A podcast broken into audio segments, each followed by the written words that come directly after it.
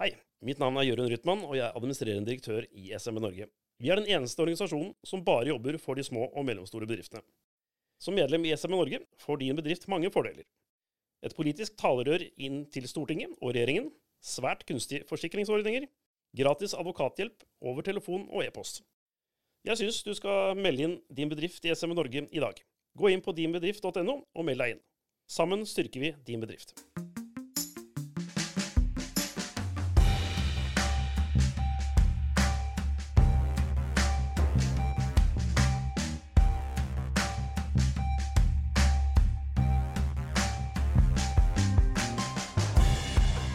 Hei og velkommen til en ny episode av SMB Norge-podkasten. Og som vanlig så sitter jeg, Klaus Jacobsen, her i studio i Oslo. Og onkel Reisende Mac, aka Christian Eilertsen, han er da, ja, som vanlig, på reise, så han er ikke her. Men jeg har to fantastiske stykke mennesker som er med meg her i studio, som sikkert skal få kasta ut eh, mer enn nok smarte, gode kommentarer. Håper jeg. For i dag skal vi snakke om nyskapningen i paraplyen i innenfor SMB Norge som heter SMB Idrett. Og der har jeg med meg Anne Bramo. Hei på deg, Anne. Hei, hei. Du er da styreleder for SMB Idrett og frivillighet. Og så har jeg med Morten Berge, som er også Nei, du er styreleder. Yes, Morten Berge, du er styremedlem. Ja, Hallo. stemmer. Yes. Men først, før vi hopper inn i de tingene her, da. Litt om dere sjøl. Det kan jo være Mange kjenner jo deg, Morten, her, men eh, det kan jo være noen som ikke kjenner til deres bakgrunn. Ta litt om din bakgrunn først, eh, Anne. Mm. Ja, jeg er jo eh, i idretts- og frivillighetssammenheng, så er jeg eh, en gammel landslagsspiller i badminton. Mm. Og jeg har drevet med badminton i en årrekke, og jeg har vært leder i Bodø badmintonklubb. Bodø? Og, ja, ja, i Bodø. For jeg var i, eh, i eh, Jeg studerte jo til sykepleier. Ja. I Bodø og gikk videre på helseadministrasjon og sånn, og da Mm. drev jeg Bodø badmintonklubb. Så Mm. jeg er også faktisk nordnorsk mester og har spilt på kalottlandslaget, selv om jeg egentlig er fra Moss, da. ja.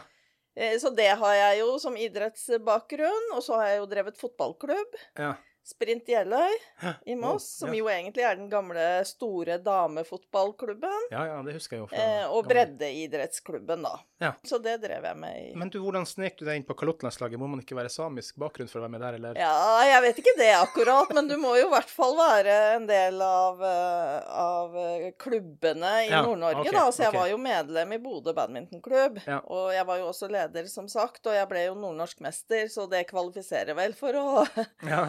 spille på kalottlandslaget òg, det, da. Ja, da, Så jeg har reist på kryss og tvers i Nord-Norge. Ja. og- Men bakgrunn også. Du har jo også bakgrunn ellers, sånn eh, politikk og vært Ja da. Ja. Og jeg har jo ti år fra idrettsråd, Ja. eh, og jeg har jo også vært eh, lokalpolitiker og Mm. varaordfører i Moss, og jeg har vært statssekretær i regjeringen til Erna Solberg Ja. på eldre og folkehelse. Ja. Sånn at eh, aktivitet og frivillighet og idrett og sånn, det ligger jo hjertet mitt eh, veldig nært, da. ja. For å sitere en, eh, en stor poet, Kurt Olsson, som spurte Patrick Sjøberg Hør bredt har ni hoppet, Morten? Hva er din, Ta din bakgrunn, da. For eksempel idretten først, da. Ja, altså, altså jeg har jo hoppa Når det gjelder SMB Norge-sammenheng, så har jeg hoppa så breit det går an. Ja. Fordi jeg har vel hatt stort sett alle funksjoner i SMB Norge det går an å ha, både på tillitsmannssida og i administrasjonen. Ja. Eh, men, men jeg er jo født inn i et eh, familietrykkeri.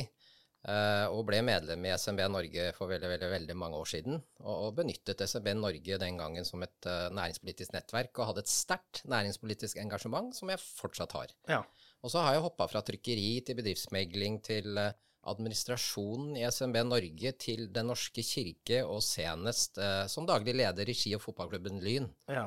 Eh, og det var jo Lyn jeg på en måte så hvordan næringspolitikk og idrett eh, treffer sammen med en del like felles utfordringer, Mm. eh, som gjør at eh, sammen med Jørund så så jeg at vi hadde et enormt behov for en, en liten SMB idrett og frivillighet, Ja. som er det samme som SMB Norge er mot, eh, mot de store la oss si, etablerte strukturene, som er veldig rigide og veldig lite flyttbare, så kan vi være spenstige og gode og ta en del saker Ja. i, i idretten og frivilligheten Ja. som nå ligger og feies under teppet. da. Ja. Det er ikke noe feil med Norges idrettsforbund eller, eller Fotballforbundet nødvendigvis, men, men de er store og tunge, Ja, ja, eh, Og, og de trenger en sånn som oss for å, å få ballen i bevegelse igjen. Ja. Men det blir jo ofte sånn som, eh, som vi merker her i SMB Norge, nettverket, det at NHO snakker for de store. Mhm. Og da faller ofte sånn som oss de små utenom. De blir egentlig altså Sannheten er det motsatte av det som blir presentert, nesten. da, sant? Sånn som med strøm, når NHO inngikk en strømavtale med regjering og greier. Det var jo tullete på, som vi prøvde å få frem da. Men ni? Hvilken idrettsbakgrunn har du sjøl? Har du gjort noe idrett sjøl? Altså, min kropp har løpt rundt på en fotballbane omtrent frem til han ble 17 år. Ja. Eh, Jeg var ikke noe stort talent, men eh, jeg var engasjert og hadde, som veldig, veldig mange andre, så var det litt på det nivået at det var guttegjengen, var kameratgjengen som spilte Ja. fotball sammen. Og så og så er jeg jo veldig Jeg er jo verdensmester i å se på sport. Ja. Eh, og, og jeg vet jo alt av taktikk og hva alle gjør feil og sånn, men jeg prøver å ikke si det til så mange, da. Ellers så har jeg jo det, jeg syns det er moro med veldig mye forskjellig idrett. Jeg har bygd bocciabane på hytta. Jeg vet ikke om det er idrett. Vi tenker at eh, vi, vi, alle skal ha like vilkår her, liksom. Internasjonal standard på den. Jeg liker å spille badminton, tennis. Jeg, jeg liker alt med ball, egentlig. Ja, ja. Boccia er vel i hvert fall idrett for oss godt voksne, ikke det? Ja, ja. Det er litt lett å ja, forholde seg til. Sånn at jeg, jeg har ikke noe stor idrettskarriere selv fysisk, men, eh, men jeg er jo glad i sport, og så er jeg veldig glad i nærsport. Men du, apropos det, da. Vi, vi hopper litt frem og tilbake. Men Lyn, da. Lyn jo da, som, som du har vært aktiv i, eh, sikkert lenge, som jo egentlig gikk konkurs, da. Hvordan har den reisen, vært? Fordi at de er vel nå, er ikke de oppe i andredivisjon igjen nå? er det Herrelaget spiller på tredje nivå. Tredje, tredje nivå. Ja, men poenget, de ble, Eh, måtte begynne å være sjuende, så du har virkelig tatt det fra egentlig bredden og virkelig opp, da. Hvordan har den reisen vært, da, egentlig? Ja, Den har vært tøff, fordi Ja. du møter masse forskjellige motstander. Eh, du kan si kanskje det tøffeste er når du skal rekonfigurere sånn som herrelaget til Lyn. Mm. Det er jo at du møter en korona hvor du defineres som bredde, og, og, og nærmest får eh, treningsnekt og spillenekt. Mm. Sånn at eh, særlig Lyn sin reise ble, ble, ble nok satt på vent et par år, fordi de beste talentene gikk til andre klubber hvor de faktisk kunne få lov å spille fotball. Mm. Eh, Så en ting var at man ikke fikk utøve aktiviteten selv. Det andre var at de største og beste, altså det beste i strukturen din ble borte fordi det, det ønsket å være aktiv. Mm. Eh, De fleste spiller jo fotball fordi de liker å spille fotball, og da går du der du får gjort det. Da. Selvfølgelig, jeg sjøl spilte jo inntil Skal vi se, november 2018 så røyk ryggen min på en oldboys-trening i Runar. Og siden jeg hadde 48 operasjoner. Og det ble slutt med det, så nå er jeg saftblander. Oldboy- Oldboys-trening er det farligste som er Det er det. Det verste er at det var nesten så ingen som var borti meg i det hele tatt. Så sånn røyk det, da. Men, men jeg må legge til Ja. at damelaget til, eh, til Lyn de spiller i toppserien og Ja. har klora seg fast der. Så de Mm. har tredje sesong der nå. Så det, det, Mm. eh, og de fikk lov å være altså De blir jo da klassifisert som toppfotball og fikk lov å ha full aktivitet Treninger. under pandemien. Nei, altså, jeg er jo sjøl fra gamle tider, når jeg altså bodde i Oslo, så var jeg med i VIF-klanen. Så, så da var det jo litt kriging med Lyn. da, Så jeg har alltid fulgt med på reisen til Lyn og så videre sånn etter at de fikk lov å starte opp igjen eller lavt nede. Og det som jeg syns har vært litt gøy, da, det jo at Lyn da, si nesten i sjette divisjon hadde tusenvis av folk på tribunen, og det var litt artig, da. Så det må ha vært en god stemning rundt klubben for det, altså. Kjempestemning. Og det er klart at den jobben Bastion gjør, og det engasjementet Bastionene er, har, er jo unikt for, en, for en idrettsklubb. Og, og det er kun når eh, Vålerenga og Lyn barker sammen at du virkelig har to så store supportergjenger at det blir ordentlig internasjonal stemning på tribunen. Ja. Det er gøy. Anne, hva betyr egentlig idretten og frivilligheten for det norske samfunnet? Det betyr Jeg vil nesten eh, si at det betyr det aller meste. fordi at uten idrett og frivillighet så stopper Norge. Mm. Og det er jo faktisk sånn at, eh, at eh, omkring 60% av den norske befolkningen, kanskje enda høyere faktisk, for det siste tallet vi har, er frivillig én eller flere ganger i løpet av, av året. Og Mm. mange har jo årelange innsatser i frivilligheten. Og jeg tenker at det er, det er en så viktig sektor. Mm. Og det er en så lite prioritert sektor fra offentlige myndigheter. Mm. Og det er vel kanskje det som er mitt eh, viktigste engasjement nå, og har vært i mange år. Det er det å synliggjøre hva frivilligheten betyr for enkeltmennesker, for demokratiutvikling, for, eh, for folkehelsa. Mm. Det har så utrolig mange viktige funksjoner, og det å få lov å være frivillig, få lov å ha en rolle, enten du er dommer eller vaffelsteker eller hva man er, Ja. utøver eller hva man er, så betyr det veldig, veldig mye. Og vi Mm. må begynne å prioritere den sektoren i Norge. Jeg syns det er småpenger som tildeles. Ja. Det er veldig vanskelig å få realisert idrettsanlegg, f.eks., eller andre aktivitetsarenaer. Mm. Eh, og jeg er enig med Morten som sier at det er veldig tungrodd i den store NIF-organisasjonen. Ja. Og det går veldig tregt. Og jeg har også et inntrykk av at det, eh, idretten og frivilligheten blir ikke tatt tilstrekkelig på alvor. Nei.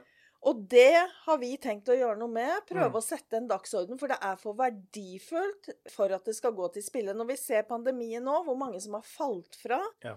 i aktivitet Nå er heldigvis eh, de frivillige rollene de er på vei eh, tilbake igjen, liksom. Så de er ikke så langt unna det det var før pandemien. Okay. Men etter Altså Aktiviteten er jo betydelig lavere nå enn det var. Ja. Altså, jeg var jo selv, jeg har jo sjøl vært eh, fotballtrener for uh, først min eldste mann, også for uh, dattera mi, og det var jo dessverre i pandemien. Og der ble det jo så ille til slutt, og da var jeg midt imellom ryggoperasjoner også, det var litt vanskelig for folk til å dekke opp treninga, sånn, så, ble det, og så var det det at vi ikke fikk trene ene med andre. Og det jentelaget gikk faktisk helt til oppløsning. Den siste jenta i klubben var dattera mi. Da ringte de fra klubben og spurte skal vi slette så du slipper å betale det, liksom bare. Og det er trist. Og det var, jeg tror i Sandefjord så var vi vel fire-fem klubber. Det var én igjen etter pandemien, da, for det alderstrinnet. Altså.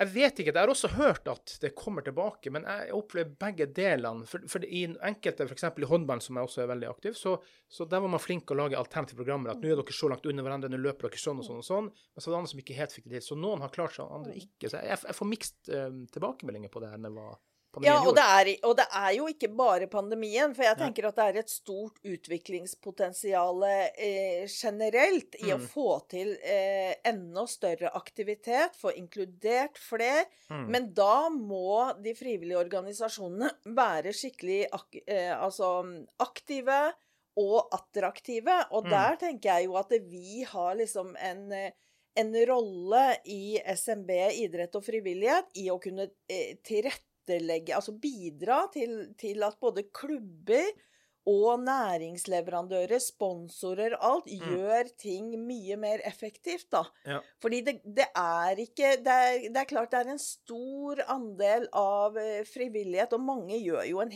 heroisk innsats. Ja. Men jeg syns jo kanskje at det, i de klubbene, kretsene, forbundene osv.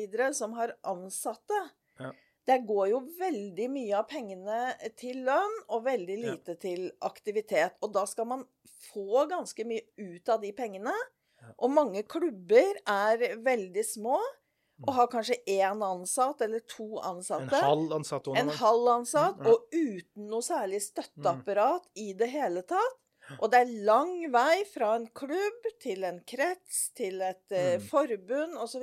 Mm. Og jeg tenker at den, det å være et uh, slags knutepunkt, da, f.eks. mellom sponsorer og idrett og leverandører av både dataløsninger og mye annet, Mm. der har vi en rolle å spille, og også inn mot myndighetene. Ja. For frivilligheten er for viktig Ja. Til at det bare halter og går. Ja, for det er jo folkehelse inne i bildet her. Jeg var litt sjokkert. Jeg skulle jeg var lete etter en eller annen person en gang på Norges Håndballforbund sine sider. Jeg var helt ærlig helt satt ut over hvor mange som var ansatt der. Og da tenkte jeg, og jeg skal ikke selvfølgelig blande meg inn om hvem som gjør en god jobb eller ikke, men jeg bare tenkte liksom wow, det her må jo gå utover litt satsing på enkelte områder, da. Men eh, idrett og frivillighet er jo da i mange tilfeller små og mellomstore bedrifter. Hvilke fellestrekk eh, har idrett og bedrifter? Vi kan begynne med deg, Morten. Ja. Nei, altså, de har jo all, all verdens likheter, fordi det, behandler, det, handler om mennesker i forskjellige posisjoner som, skal, som er satt til å utføre en, en jobb, uansett Mm. om de får betalt eller ei. Mm. Eh, og de fleste idrettsklubber, uansett hvor mange frivillige eller altså hvor få betalte ressurser de har, Ja. har jo samme strukturen som ryggraden i norsk næringsliv. Altså de er jo én til to til tre årsverk. Det er jo små virksomheter Mm. eh, som skal ordne store aktiviteter med Mm. mange mennesker involvert. Eh, og det er jo utrolig mange både organisasjoner som dere har nevnt innen håndball og fotball, men også kirke, whatever. Som det er, Klubb, you name it. Det er mange Ja, ting. Ja. og de, som har den der kombinasjonen av, av frivillige, tillitsvalgte og ansatte som Mm. jobber i skjønn harmoni. Og det er mange friksjoner og det er mange utfordringer som, som ligger innimellom der, som er like, uansett om du da driver og leverer idrett i en enden, eller om du, du leverer næringspolitikk for den saks skyld. Mm. Mm. Hva tenker du, Anne? Nei, det jeg også tenker da, det er at eh, man håndterer veldig store verdier. Og derfor så tenker jeg at eh, frivilligheten som organisasjoner er nødt til å utvikle seg. Ja. Eh, og jeg tenker at det samspillet da, mellom næringsliv og idrett, der ligger det et stort potensial som kan gi gevinster for eh, både, både idretten og frivilligheten, og for næringslivet. Ja. Og det må vi på en måte få satt litt eh, søkelys på.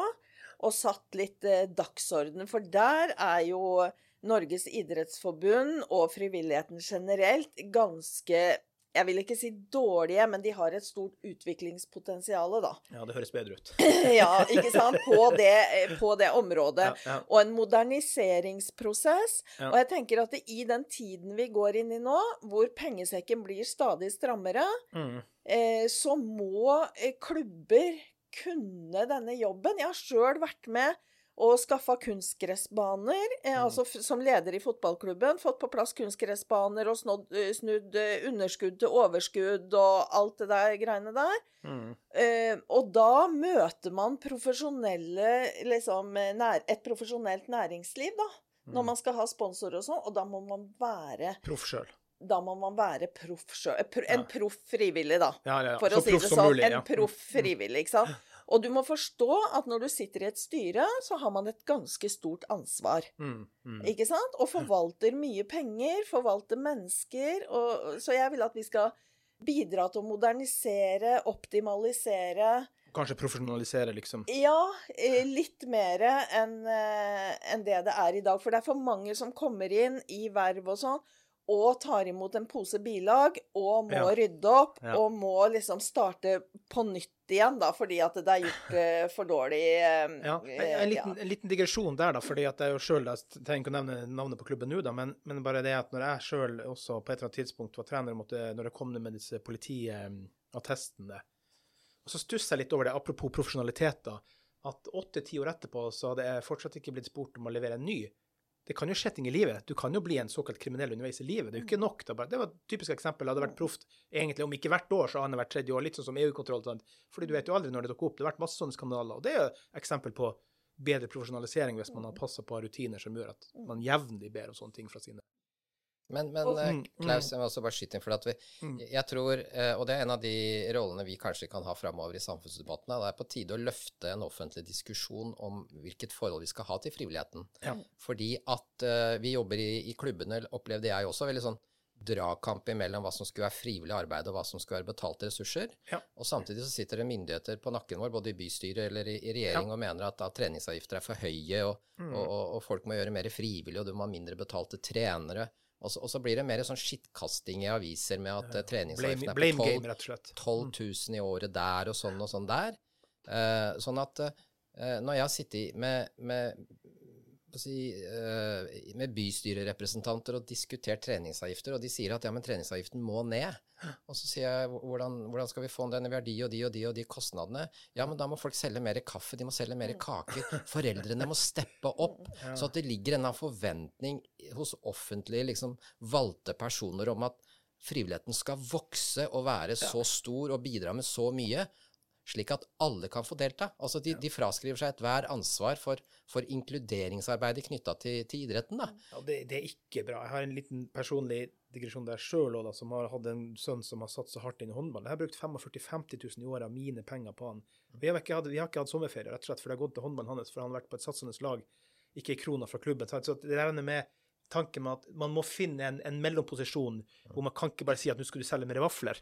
Det må finnes noen bedre løsninger enn bare det, altså. Det, det er liksom ikke helt der, da. Men Anne, hva, hva er idrettens og frivillighetens utfordringer fremover, sånn som dere har identifisert? For dere har sikkert sittet ned med noen smarte hoder og funnet noen Ja, nei, nei, det som jeg tenker er eh, altså eh, en bedre dialog med myndighetene, og som Morten sier, en større satsing på frivillig Altså aksept for en større satsing eh, på frivilligheten, og det å bruke frivilligheten og idretten som inkluderingsarena, det, Mm. er, det blir kjempeviktig. Og så tenker jeg at frivilligheten sjøl må gjøre en jobb, og det handler om en, en moderniseringsprosess. moderniseringsprosess. Det, det blir eh, veldig viktig. En modernisering og en eh, litt sånn ikke-profesjonalisering, fordi det er eh, frivillig sektor, ikke sant? Men, Jo, jo, jo. men man må forstå hvilket ansvar man har, da. Og det skal jo vi i SMB idrett og frivillighet være med å bidra til. Vi, skal, vi, vi har jo oppstått nettopp fordi at vi skal være en veldig viktig støttespiller. Mm. Og vi skal være i det skjæringspunktet mellom eh, næringslivet og frivilligheten. fordi at det, det, er her jeg tror det kan skapes veldig mange vinn-vinn-situasjoner. da. Ja. Altså Når idretten driver og utvikler sitt eget datasystem, som er akkurat maken til det som næringslivet har fra før. altså Man, ja. må, ikke, man må ikke definere seg som så særegen at det blir utgifter av det. Man mm. må jo heller se andre veien og tenke at her må vi gjøre samarbeidsavtaler mm. som gjør at det kan bli vinn-vinn. For det er jo det samme næringslivet som sponser idretten. Mm. Det der er litt vanskelig, ja, fordi at du har det med økonomihensynet og integrering, som du sa. da. Mm. Eh, Sjøl hadde vi i vårt håndballag et par eh, brødre, eh, syriske flyktninger. Og jeg var den som frivillig alltid var hente dem for å kjøre dem til kamp. Mm. Og han ene sa rett og slett at det var hans håp for å holde seg ute fra gata. Det var å være med i håndball. Men dessverre så ble det til slutt slutt for de to også. Selv om klubben dekka masse for dem hele tida pga. økonomi, da, så trakk de ut. Og det er det som er så synd når du vil ende opp med hvor du kan være et sånt eh, arena for å få god integrering, og så blir også til slutt økonomien en stopper likevel. Altså, så det er jo noen Alt er ikke sort-hvitt, da. Det er noen vanskelige saker òg. Ja, ja. Ingenting er sort-hvitt. Og det er mange vanskelige saker, og mm. det er mm. veldig mange, eh, mange vanskelige eh, dilemmaer. Eh, men jeg tenker at det er, den, det er, de viktigste arenaene vi har mm. eh, for inkludering. Og derfor så er vi, vi er nødt til å bidra til å styrke dette eh, hva skal, hva skal vi kalle det? Trepartssamarbeidet mellom offentlig sektor, ja. næringslivet og frivilligheten. Mm. Og jeg mm. tenker at sånn som SMB Norge, f.eks., som, som har så mye erfaring på små og mellomstore bedrifter, er veldig, veldig viktige i å eh, gå foran i denne litt sånn profesjonaliseringa, og i dette samarbeidet, ja. og i lobbyering. For jeg tenker at NIF forholder seg for det aller meste til Kulturdepartementet. Mm. Men man må mye breiere ut. Finansdepartementet, Helsedepartementet, Arbeid og sosial osv. Fordi ja. det er Altså, det er et bredt Folkehelse, ja. inkludering, det er veldig mye breiere enn eh, en kultur... Ja, ja, det tradisjonelle kulturarenaen, ikke sant? Ja, Eller kultur... Og, ja, sånn sett så burde det jo heller ligge under arbeid eh, og inkludering. fordi det er jo det du faktisk driver med idretten. Det er å gjøre alle like. Mm. Uh, og, og, og, halvparten, nei ikke halvparten, over halvparten av alle de som sitter oppe på Kringsjås Lyn uh, i de yngre aldersgruppene, er ikke noen fotballtalenter eller noen som skal spille fotball i framtida. Det er der fordi alle vennene er der. Ja. Nei, men det er uten tvil folkehelse, om det så er at du spiller sjakk, eller du løper og trener, eller spiller fotball, for det er noe med å ha det bra i livet. Så folkehelse er det også å høre på Jørund Rytman med kort reklame, så vi er straks tilbake. Hei, mitt navn er Jørund Rytman, og jeg er administrerende direktør i SMB Norge. Vi er den eneste organisasjonen som bare jobber for de små og mellomstore bedriftene. Som medlem i SMB Norge får din bedrift mange fordeler. Et politisk talerør inn til Stortinget og regjeringen, svært kunstige forsikringsordninger, gratis advokathjelp over telefon og e-post. Jeg syns du skal melde inn din bedrift i SME Norge i dag. Gå inn på dinbedrift.no og meld deg inn. Sammen styrker vi din bedrift. Ja, vi håper dere gjør som Jørund Rytman sier der, gå på dinbedrift.no og finne eh, medlemsfordeler og i det hele tatt uh, ulike årsaker til å bli med i SMB Norge-nettverket for en veldig veldig rimelig penge der. Og husk å gi oss en femstjerners rating på Apple Podkast og Spotify, og skriv gjerne litt omtale av oss òg. Vi uh, godtar ingenting under fem stjerner, sånn er det bare. That's life noen ganger. Og Vi sitter fortsatt her med Anne Bramo og Morten eh, Berge fra SMB idrett og frivillighet, som jeg glemte å si til å begynne med. For det er jo frivillighet òg, ikke bare idrett. Det er mye ting i bildet her. Anne, du nevnte noen notater til meg. Riksrevisjonsrapporten og åpenhetsutvalget. Den satte jeg meg ikke inn i, for jeg tenkte den kunne du nok om. Hva går det ut på? Nei, det var jo Altså, Riksrevisjonen har jo for noen år siden, jeg tror det var i 2018, de mm. har jo gjort en, eh, en, undersøkelse av hva de offentlige pengene til norsk idrett eh, går til. Mm. Og de pekte jo på ganske mange eh, utviklingsområder, og som er noen av de samme som vi har eh, snakka om nå. Mm. Og at det i norsk idrett må være mye mer åpenhet. Og det er jo også noe som vi er opptatt av i SMB idrett og frivillighet. At det mm. må til en mye større åpenhetskultur. Og det er vel kanskje eh, noe av det vi også har reagert på, som har trigga oss litt til å starte opp eh, nå, det er jo at eh, det går veldig mye penger til administrasjon, og det Mm. går veldig mye penger som kunne gått, uh, gått til aktivitet, for Ja. eksempel, ikke sant?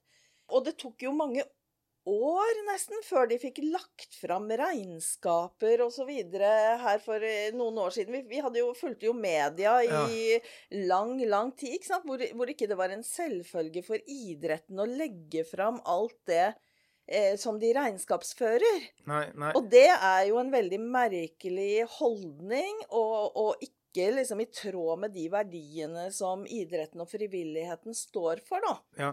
Men eh, Og jeg, jeg skal ikke banne i kjerka di, Anne. Nei. Men jeg tenker på, jeg bare, mens vi snakker på disse mastodontene i utlandet, som er jo fulle av korrupsjon. Ja. Så hvilken jobb har du da å gjøre med å ha åpenhet i Norge, når de, de får jo dytte Jeg sier ikke at de blir påvirka, men du ser sånn som når, når hun prøver å ta taler om homofiles rettigheter osv., så, videre, så blir hun bua, og det hun Klavenes osv. Så, videre. Mm. så har du disse pengene som er putta i alle mulige lommer, i alle retninger, med OL-tildeling og alt. Altså, det, Verden der ute er jo avslørt som korrupsjon, og likevel så ruller det bare videre. Mm. Hvordan skal vi bedre her på vårt eget bjerg da, liksom? Altså, jeg tenker at det Og jeg beskylder ikke noen internt for her, Nei, men det er liksom ja. Hvis vi, hvis vi alltid skal fokusere på alt som er verre, så får vi ikke gjort noe med det vi kan forbedre her, da. Nei. Eh, sånn at eh, det jeg lærte av en, en, en, god trener en gang, var at du skal ikke jobbe med det du er dårlig med, men det du er god på. Mm. For hvis du jobber mer med det du er god på, så vil du få mye bedre forbedring enn hvis du bare fokuserer på det du er dårlig på. Ja. Eh, og det kan vi gjøre noe med. Og så er det sånn at f.eks. vi som driver idrett i Oslo, Mm. vi driver jo stort sett på kommunens eiendommer og kommunens arenaer, og får låne de Ja. på, på gitte vilkår. Eh, så, så, så tenker jeg at Det som har vært spennende å se når det gjelder bruk av midler, litt sånn som Anne beskriver, er jo hvor mye bevilger et bystyre til idrett, og hvor mye av de pengene havner hos idrett. Altså hvor mye blir borte på veien. Ja. Det er interessante regnestykker å se på. Fordi vi vet jo at f.eks. en eh, innsamlingsaksjon eller, så, som Kreftforeninger blir jo målt på hvor mange prosent går, Går til, til formål, og hvor mye blir borte i administrasjon. Den øvelsen gjør vi ikke på Den har ikke bystyret gjort her i Oslo, annet, på, Nei. på hvor mye penger de bevilger. De, eh, byråd for, for idrett er veldig tydelig på hvor mye han har økt budsjettene til idrett, og hvor mye han gir. Ja. Men han, ikke, han sier ingenting om hvor mye av det som faktisk kom fram. Nei. Og, og det, kan vi, det kan vi bli gode å se på. altså Hvordan driver man anleggsutvikling i, Ja. i de store kommunene? Eh, hvor, hvordan er administrasjonen som, som eh, er satt av kommunen til å administrere de pengene de skal gi til idrett? Altså Ja. hvor mye kommer faktisk frem? Mm. Mm. Hvor mye blir til aktivitet og idrett og, og midler for barn og unge, da? Ja. Fordi det er jo det som er eh, må jeg si, Målsetningen med, med, med budsjettposten er jo at den skal gi mest mulig idrett for pengene på en gresslette et eller annet sted, eller inni en hall et eller annet sted i byen. Nei, noen ganger så er, kan man undre seg på hvorfor ikke det enkleste spørsmålet er stilt Andre. Fordi at det, det, og det er jo sånn sånn som eksempel når utenlandsstøtte og datt, så det alltid blir all kalkulert så mye kommer frem, så mye kommer frem, da. Men det hører man ikke ofte om i kulturpenger eller idrettspenger, og det er det er ikke bra. da. Men apropos Anne, norsk breddeidrett, hvordan står det til med økonomien for norsk breddeidrett? Nå tenker jeg man har hatt strømkrise, eller vi er egentlig basically fortsatt i en strømkrise, i hvert fall prismessig. Og så eh, har vi hatt pandemi, og vi har hatt mye greier. Og det har vært, ja, det har vært statlige tiltak og penger til det og ditt og datt. Der også tror jeg det var litt tidvis kaos. ene klubben eh, i Sandefjord f.eks. hadde jo vært litt for ivrig med kalkuleringer og ting og tang, og, så, og det har skjedd mye rart, tror jeg. Men, men hvordan står økonomien til egentlig? Nei, jeg, jeg tror at det, bevilges altfor lite penger nå til, til tilbake til de inkluderingsarenaene vi har, og særlig i forhold til barn og unge. Fordi nå er det bevist over lang tid at barn og unges psykiske helse, f.eks., Mm. den er for nedadgående. Mm. Altså, mange barn og unge har det veldig vanskelig, og no, en av de viktigste arenaene deres er jo idretten og frivilligheten. Altså enten de spiller sjakk Er det ikke TikTok? Er det ikke Instagram? Nei. Når alt kommer til alt, så vil jo ungdommer være sammen med ungdommer, f.eks., og barn være sammen med barn. Ikke sant? Sånn at de trenger jo litt hjelp, og de trenger jo i hvert fall eh, at det ikke er en terskel hva som ligger i foreldrenes lommebok. Nei. Og nå som foreldrene har mer enn nok å betale på, økte renter, øke strømutgifter, Oh, yes. yeah. eh, tregangen på matpriser osv., så, videre, så tenker jeg at vi må eh, pøse inn Det norske samfunnet må pøse inn penger Mm. i frivilligheten. For tross alt får frivilligheten veldig mye ut av pengene. Én krone inn er mange kroner ut. Ja. Mm. Så jeg, jeg er eh, overraska over at man ikke gjør en megastor satsing, og særlig når man har erkjent i koronakommisjonen Mm. at det å stenge ned skolene for barn og unge i pandemien, det var ikke bra. Nei. Og da tenker jeg, man må jo på et tidspunkt kompensere for den skaden der. Nei. Og eh, rett og slett pøse inn penger. Det er det viktigste investeringa vi kan gjøre, og vi må gjøre det nå. Det var nok ikke bra for mentalhelsa i idretten heller, faktisk. Så, Nei. Altså, vi har vært inne i en toårsperiode som en krig mot en pandemi, Ja. og vi har lagt hele landet i grus, og vi skal bygge landet på nytt igjen. Mm. Og, og det er sånn at eh, Vi i, i, i Lyn trodde også at alle bare kom løpende tilbake når de fikk lov, men de gjør ikke det. Ja. Altså Vi må rett og slett bygge landet på nytt. Det betyr at vi ligger nede med redusert aktivitet. Eh, vi, vi må lære opp frivilligheten på nytt. For de som, de som kokte kaffe to år før pandemien, de, de, de kunne plutselig ikke koke kaffe lenger. Altså, vi, må, vi må bygge alt på nytt. Vi fikk 100 støtte første året under pandemien, fikk 50% støtte andre året. Vi får ingenting nå som vi skal bygge landet. Så vi fikk penger til å overleve. Ja. Men nå taper man penger omtrent hvert eneste år inntil man får aktivitetsnivået opp igjen. Og vi får kanskje aldri fri, frivillighetsnivået opp på det nivået det var Nei. før pandemien. Nei. Kanskje ikke. Nei. Fordi før pandemien så så vi at frivilligheten var på vei ned. Mm. Så hvorfor skal den komme så veldig brutalt tilbake etter en pandemi? Eh, når folk åpenbart har lært seg til at det var ganske deilig å være hjemme òg. Mm. Eh, og, og det er sånn, altså Du så speiderbevegelsen, du så korpsbevegelsen, du så sanitetsforeningene. Alle de var på vei ned før pandemien. Ja. De tror jeg aldri kommer ordentlig tilbake. Nei, jeg, jeg, skal, jeg hopper litt her i min egen ting, siden du traff nå en liten nerve der, da. To ting. Korpset, Mosserud korps i Sandefjord, som har vært svært 17. mai-toget i år, det var et trist syn, for å være helt ærlig. ja. Der var det ikke mange folk som gikk lenger, og det har vært et svært digert korps. Og så det hjertesukk fra meg sjøl, som er veldig aktiv frivillig. Jeg ser f.eks. når eliteseriekampene i rundhåndball skal rigges opp og ned, så er det jo eh, tribuner som skal inn og ut og sånn.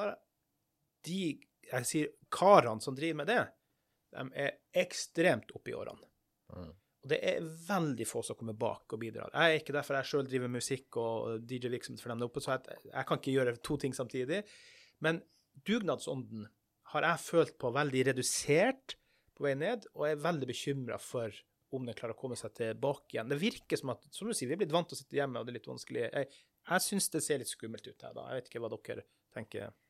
Nei, det, det som er Altså som forskningen viser, Ja. det er jo at eh, idretten og frivilligheten er i stor endring. Mm. Det er veldig få som vil påta seg lederverv, styreverv, organisatoriske oppgaver. Eh, Så den andelen der, den går jo nedover. Ja. Men folk er eh, like aktive når det gjelder å ta sånn type eh, totimers oppdrag. Eh, altså sånn aksjonsfrivillighet, det er folk eh, villige til fortsatt. Mm. Eh, men, men jeg, ja, ikke sant? Så det å ta ansvar og det å sitte med lederskap og sånn over tid, det er ikke så populært som det var. Nei. Så det, hvis, det skal bli krevende å få det til å gå rundt. Og det du sier om med, med at man er litt mer opp i åra og Ja. sånn eh, som frivillig nå, ja. Fordi mange pensjonister er veldig aktive og Ja. har liksom eh, Altså unge pensjonister, da. Ja, men det er rett for at rekrutteringa bak ikke kommer opp. Det var det som var poenget mitt. Ja, Ja. og det Ja, vi må jo skolere ungdommen eh, til dette her, og må jo fortelle de at eh, eh, altså, Verdien å bidra til eh, fellesskapet. sant? Ja. Mm. Absolutt. Men jeg er ikke så bekymra for frivillighetsdeltagelsen. Jeg er mye mer bekymra for de unges aktivitetsdeltagelse og de hindrene som er der. Både den mentale helsa, Ja. pengesekken, altså lommeboka til foreldrene, mangel på offentlige tilskudd, Mm. mangel på anlegg. Mm. Disse tinga mener jeg krever høy eh, prioritet og Ja. høyt fokus, da. Og det skal vi i SMB idrett og frivillighet Ja. bidra til å få satt på dagsorden. For der er NIF altfor langt bakpå. Ja, Martin. Og det, det er jeg helt enig i. at all- all, aktivitet som hemmes pga. manglende eller for dårlig anlegg, Ja. det er, det er en viktig og stor greie. Og så tror jeg det andre som off, også det offentlige, så, og som vi må få lov å være med å trigge det offentlige litt på, er, er, er sånn hva er vitsen med å samles? Altså hvordan altså Det å se på det å møte andre mennesker, være sammen med andre mennesker i en eller annen setting som en del av livet, og som viktig og som verdifullt, og noe du mm. faktisk ønsker. Altså smaken på det sosiale fellesskap, da. Mm. Eh, sånn at ikke vi bare blir en som shopper en treningsaktivitet for Nei. barnet sitt og drar hjem igjen, men at man faktisk ja. også uh, løfter den Eh, den verdiskapningen som jeg hadde. altså Korpsbevegelsen var jo ikke nødvendigvis de beste musikantene, men de, de elsket å spille i korps sammen. Og så at den ene lille lyden jeg lagde sammen med alle de andre lydene, skapte et fantastisk lydbilde. Mm, mm. Uh, sånn at vi, vi, ikke Altså, vi må gå litt ut av individualismens uh, høyborg, som vi har levd i veldig lenge, og se på hva er kollektivet, hva er bra for meg, hva er bra for samfunnet, hva er bra for idretten? Skaper vi de arenaene, ja. så vil vi som frivillige foreldre, pårørende, hva, hva, enn vi er, også like å samles. fordi da, da er det fellesskapet vi bygger. Ja. Men det, og det der jeg ser, sånn som jeg sjøl er aktiv i en del frivillige grupper i Sandefjord, det er jo det at vi får det gøy sammen. Vi ler, vi har det morsomt sammen. og Da blir det en gjeng og en klikk, og det, det, er bra, det. Men i fjor sommer da, så var det jo eh, Runar har jo NM i beachhåndball. Eh, Eh, som oftest eh, ja, det har vært i Sandefjord i 20 år. eller sånt da.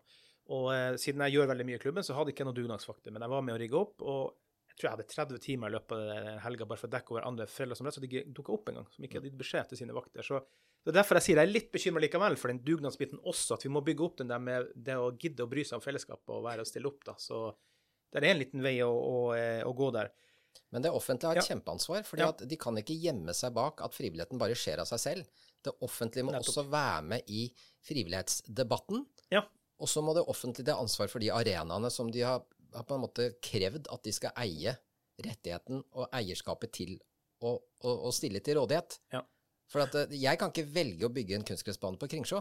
Uansett hvor mye penger jeg får av sponsorer eller, eller rike onkler eller noen ting. Jeg er dønn avhengig av at kommunen ved Bymiljøetaten er villig til å bygge den banen sånn som vi trenger den. Ja. Sånn, så, derfor så, mm. så, må de være på lag. altså Det offentlige må komme på banen og være gode på anleggssida. Og så må de også være med og, og, og kjøre debatten knytta til frivillighet og, ja. og, verdiene i det. altså. Eh, Anne, du, altså, det her bortsett fra det med penger, organisatorisk tilrettelegging, hva, er, hva, kan det politiske miljøet eller samfunnet eller myndighetene gjøre for på en måte å bedre kårene for norsk eh, idrett og frivillighet og kultur? Altså, da snakker jeg ikke bare det med å gi penger, men kan man gjøre noen politiske tiltak? Ja, jeg, Stort spørsmål, kanskje. Ja, jeg mener at eh, den, den, eh, det som de kan bidra til, det er i hvert fall å sette på dagsorden og initiere en bred debatt om demokratibygging. Ja. Fordi det er jo veldig mye det det handler om. Det som Morten sier, det fellesskapet, det å være sammen, det er jo det vi Og, og som individer er vi jo skapt sånn at mennesker trenger mennesker. Det er sånn vi får den beste helsa og den beste utviklinga eh, i befolkningen. Mm. Og da må vi jo diskutere eh, nettopp dette med, med hva, hva, skal eh, hva skal de, vi bruke de forskjellige arenaene til? Og det mm. mener jeg er myndighetenes ansvar like mye som frivillighetens ansvar, å sette den eh, diskusjonen på dagsorden, da. Mm. Og så må, eh, tenker jeg at det, det, det, er jo penger i alt, da, akkurat som det er politikk i alt. ikke sant? Men dette med å skape flere arenaer, altså legge midler i potten til at byene, bygdene, klubbene kan få lov å bygge flere idrettsanlegg, mm. det er kjempeviktig. Mm. Og så må man jo også gi penger til skolering og sånn, men frivilligheten har også en oppgave sjøl i å bruke disse pengene eh, mest mulig effektivt. Og den mm. revisjonsrapporten viste jo at det var et potensial eh, for å få eh, mer ut av pengene. Eh, som NIF har fått i, eh, i, eh, altså til aktivitet. Mer aktivitet ut av pengene. Mm, mm. Men jeg mener at den viktigste debatten man setter på dagsorden, det er eh, å bruke arenaene som demokrati, til demokratibygging. Og så er det rammevilkåra på alle mulige måter, f.eks. For forenklinger, da. Ja. Og tilskuddsmidler, det må, bare, det må liksom gis ut. Vi må ha selvfølgelig resultatorientering på det. Men vi må ha eh, faktisk større eh, tilskuddsordninger. Mm. Og så mener jeg det er i grunnen opp til SMB, idrett og frivillighet, NIF, Frivillighet Norge, å sammen vise at vi faktisk er en sektor som det er verdt å satse på. Ja. Og som eh, Kommersielt nesten, da. Ja, altså både kommersielt og offentlig Ja. er det verdt å satse på denne verdifulle frivillige sektoren. Mm. Fordi vi kan bidra med så utrolig mye. Spesielt folkehelse, som vi har vært innom. Spesielt. Spesielt folkehelse, ikke sant? Og Mm. da må jo sånn som, eh, sånn som Helsedepartementet forstå eh, at det, de, deres viktigste folkehelsearena, Mm. det er sånn som idretten og frivilligheten. Mm. Å legge mye mer penger på bordet. Det går jo, det går jo eh, eh, Altså, det aller, aller meste går jo til sykehusene, f.eks. Ta en bitte liten prosent av eh, sykehusbudsjettet og putt det inn i eh, forebyggende arbeid gjennom Mm. idretten. Da blir det sving på sakene. Vi må beklage hvis du får Harley Davidson-motorene forbi dere på opptaket her, for det er jo tydeligvis noe som skjer på utsida av døra her, da. Eh, Den heter poteten, i hvert fall her i Oslo, utenforskap. Eh, Altså, det går jo på penger ofte, da. Eh, Hva tenker dere om, om det, da? Tiltak, løsninger i forhold til det med integrering, folkehelse osv. Har dere gjort noen tanker rundt uh, hva løsningene bør være på det området? Som du sier, ikke bare si at de vil kutte penger eller ditt og datt. Det må jo nesten være mer pengebruk. Altså, jeg, jeg, jeg hadde akkurat utenforskapsordet i hodet mitt før du sa det, rett før Ja. du sa det. For jeg, jeg mener at vi, vi snakker veldig mye inkludering. Mm. Uh, og så snakker vi noen ganger utenforskap. Og det, det er jo alt det imellom som eh, er der òg. Men, men det idretten i veldig stor grad er, som underkommuniseres, er den hindrer utenforskap. Fordi Mm. Eh, det at du sitter hjemme bare med iPaden din eller, eller, eller mobilen din og er på TikTok eller hva du gjør, Mm. det er utenforskap. Mm. så det at vi, bare uansett om du er glad i fotball eller glad i badminton, eller uansett hva du er glad i eller ikke glad i, så lenge du møter opp på aktiviteten sammen med andre, så har vi forhindret utenforskap. Og der er, der er breddeidretten i særklasse den største arenaen eh, for å forhindre utenforskap. Men hvordan kan man forhindre at folk gir opp da, pga. økonomi? Det var det som var poenget mitt også. da, det at, at nå har vi ikke råd lenger. Nei, altså det er jo sånn at uh, politikerne Mm.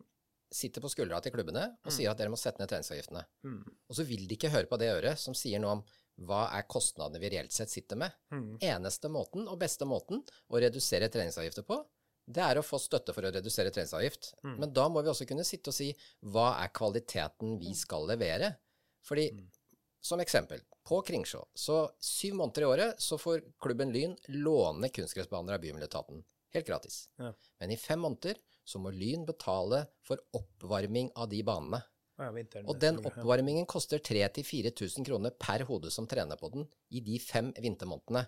Og fotball er en helårsidrett. Ja. Da kan man ikke si at klubben har gratis bane hele året. Nei, det koster 4000-5000 per hode. Og det må tas inn i treningsavgift. Og så hvis de sier at nei, ja, treningsavgiften bør ikke være mer enn 2500, den. Nei vel. Hvor mye skal da klubben subsidiere kommunen for å drive den aktiviteten? Som jo er en folkehelsetiltak for på vegne av kommunen, egentlig ens egne innbyggere. Det er akkurat det. Sånn at jeg tenker at det, det å gi frivillig sektor forutsigbare og tilstrekkelige rammevilkår, sånn at frivilligheten kan bruke energien sin på det de er best på, nemlig å lede barn og unge Mm. til samspill med hverandre, og til glede, og til demokratibygging, og til Mm. fellesskap. Det er jo nettopp det vi som har drevet med idrett i alle år, har vært så glad for og så fornøyd med.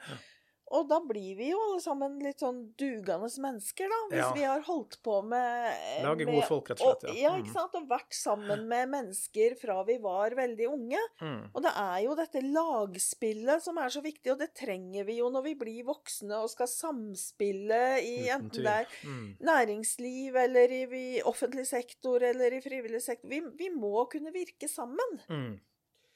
Og det er det som er det viktige her, da. Fellesskap og bygge gode folk, da. Hvorfor har dere gått til det skrittet å etablere SMB idrett og frivillighetene? Hva, hva er tanken bak? Hvorfor måtte man gå til det skrittet?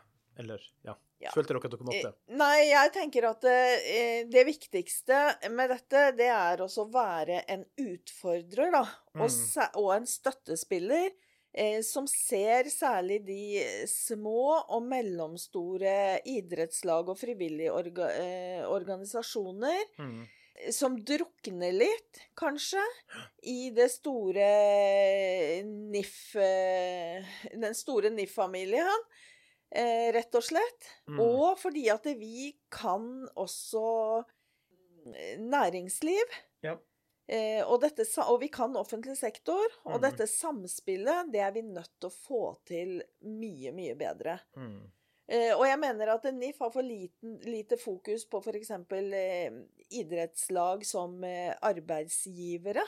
Mm. Altså veldig mange klubber som sagt har en halv eller en eller Ja. eh, et par stillinger og sånn. Mm. Eh, og det er arbeidsgivere, og det er eh, organisasjoner som har store ansvar. Så vi er rett og slett Se på Kolstad nå, de skal ha tre nye verdensstjerner, pluss med ned 30% i lønn. Ja, Kolstad håndball. sant? Ikke sant? Så, og vi Det skjer er, mye rart. Ja, og vi er en u liten eh, vi, er, vi vil være en liten utfordrer som Ja. skal ta en plass, Mm. og som skal bidra til eh, å drive prosesser eh, framover til beste for idretten og frivilligheten. Mm. Og det, og det betyr jo at, at det vi skal slåss for, er at idretter, alle idretter likestilles. Altså at ikke noen, noen er mer verdt enn andre, særstilles. Og så skal vi slåss veldig, veldig hardt og aktivt for at leverandørindustrien til idretten likebehandles. Sånn at har, leverer du et, et medlemssystem som, som, eh, som holder alle de kvalitetskrav som skal, Ja. så kan ikke Idrettsforbundet si nei til det. Altså no, det er ikke sånn at noen skal favoriseres. Mm. Altså næringsfriheten der. Og så skal vi slåss for, som vi har sagt veldig mange andre ganger, at, uh, å bedre økonomien til idrettsklubbene. Altså vi skal sørge for at det kommer mer penger fram. Mm. Av alle de pengesekker vi kan tenke på, skal vi jobbe med. Mm. Og så vil jeg jo si, liksom sånn som også Anne sa, at enhver idrettsklubb er jo en SMB-bedrift. Ja. Og SMB Norge, altså under SMB Norge-paraflyen, så vil jo de da som medlem hos oss få tilgang på alt av juridisk rådgivning, alle medlemsfordeler, Ja. forsikringsordninger. Og de er det mange av. Det er kjempemange av de finner du på den, eh, altså den jinglen til Ja. uh, reklamen til Jørund. Gå inn på Dinbedrift.no, dinbedrift.no, så ja. finner du alt av det som er den business, uh, virksomhetsmessige delen av Mm. idrettsklubben. da. Mm. Eh, og det er et kjempebehov. Ja, uten tvil. Hvilke ambisjoner eh, har dere med hele opplegget her nå? Ja, nei, jeg tenker at vi har ganske store ambisjoner. Mm. Og så syns jeg det eh, poenget som Morten tar her, med leverandørindustrien skal f.eks. likestilles. Altså det skal være åpent og transparent, og alle skal ha like vilkår osv. Mm. Det må også gjelde eh, i idretten. Nei, og vi har ambisjoner om å, å bygge opp denne eh, SMB idrett og frivillighet Mm. og få eh, medlemmer vi har, ikke, vi har jo akkurat starta opp, så vi Mm. har jo liksom ikke satt noen sånne konkrete mål og sånn. Nei. Men vi er opptatt av å få en posisjon som gjør at vi kan, eh, kan eh, være en eh, viktig stemme for mange av de idrettene som ikke har en stemme i dag, som drukner i fotball og ski og en del sånne tradisjonelle Der vi er gode, liksom. ja, Mm. men som får absolutt alle avisoppslaga og Ja. får Ikke sant? Det, det er så mange idretter i, Ja. eh, i um, Norge som har eh, eh, trenger at noen står på for dem. Mm. Så jeg tror idretten vil eh, få glede av vårt initiativ her, og, og jeg tenker at eh, vi skal ikke ligge på latsiden. Vi, eh, vi liker jo å, å liksom prestere og Ja. bygge organisasjoner og ja, være en viktig stemme. Stemme aktuell. Eh, vi skal snart gå inn for landingen. Men hva blir eh, oppgavene deres det første året? Hva har dere eh, satt som seil? Mål, Ja. kanskje, mer riktig å si. Nei, altså vi har eh, Altså vi, vi, vi godtar ikke på en måte prinsippet som er satt for all diskusjon knytta rundt idrett. Vi godtar ikke at noen har tatt eierskap til å bestemme hva som er rett nivå for diskusjoner. Så vi, vi skal både Også næringspolitisk så skal vi mene noe Mm. om det premisset. Det har vi sagt litt om innledningsvis i forhold til noen store satte organisasjoner Ja. som styrer litt for mye av premissgivningen. Ja. Et kort lite konkret eksempel er strømstøtten. Eh, Der, der kom både Kulturdepp og Norges idrettsforbund tidlig på banen, men det er 100 klubber i Norge som hadde gass som undervarme, og det var ikke snakk om gass før man til slutt nærmest hadde TV 2. Nei, vi hadde TV 2-reportasjer og, og VG-reportasjer. Da ble de tvunget til å gi noe der. Altså, Det er bare sånn snakk om å likestille behov Mm. eh, for å gi like rettigheter på banen. Så vi skal se litt på premisset. Vi skal slåss og være en stemme der hvor klubben Ja. selv, eller fa, altså, id, altså fagforbundene selv, ikke altså Uh, på, på idrettsnivå, da. Men være en Eh, vaktbikkje, rett og slett? Ja, vaktbikkje. Og vi skal ta og, og, og bære og målbære de ting som ikke alle kan si eller sier. Så, så vi godtar ikke premisset sånn som det er. Og den største rollen du kommer til å merke når det har gått et år, så kommer du til å merke at det er kjørt noen debatter i samfunnet som ellers ikke ville blitt kjørt hvis ikke det var for oss. Nei. Og så er vi i gang eh, med noe som er utrolig spennende for, for Oslo sin del, som skal på landsbasis senere. Men vi har et pilotprosjekt hvor vi skal samle 1750 stiftelser og, og, og legater Ja. inn i en eh, digital motor som gjør at alle idrettslag gratis kan gå inn eh, på et nettsted og lett finne steder de kan søke penger. Ja, mm. Det tror jeg vi skal snakke mer om på en eller annen tidspunkt senere. og det blir spennende. Men for de som lytter nå, hvis de tenker oi, det her må jeg være med på, hva skal de gjøre da? Hvor skal de gå?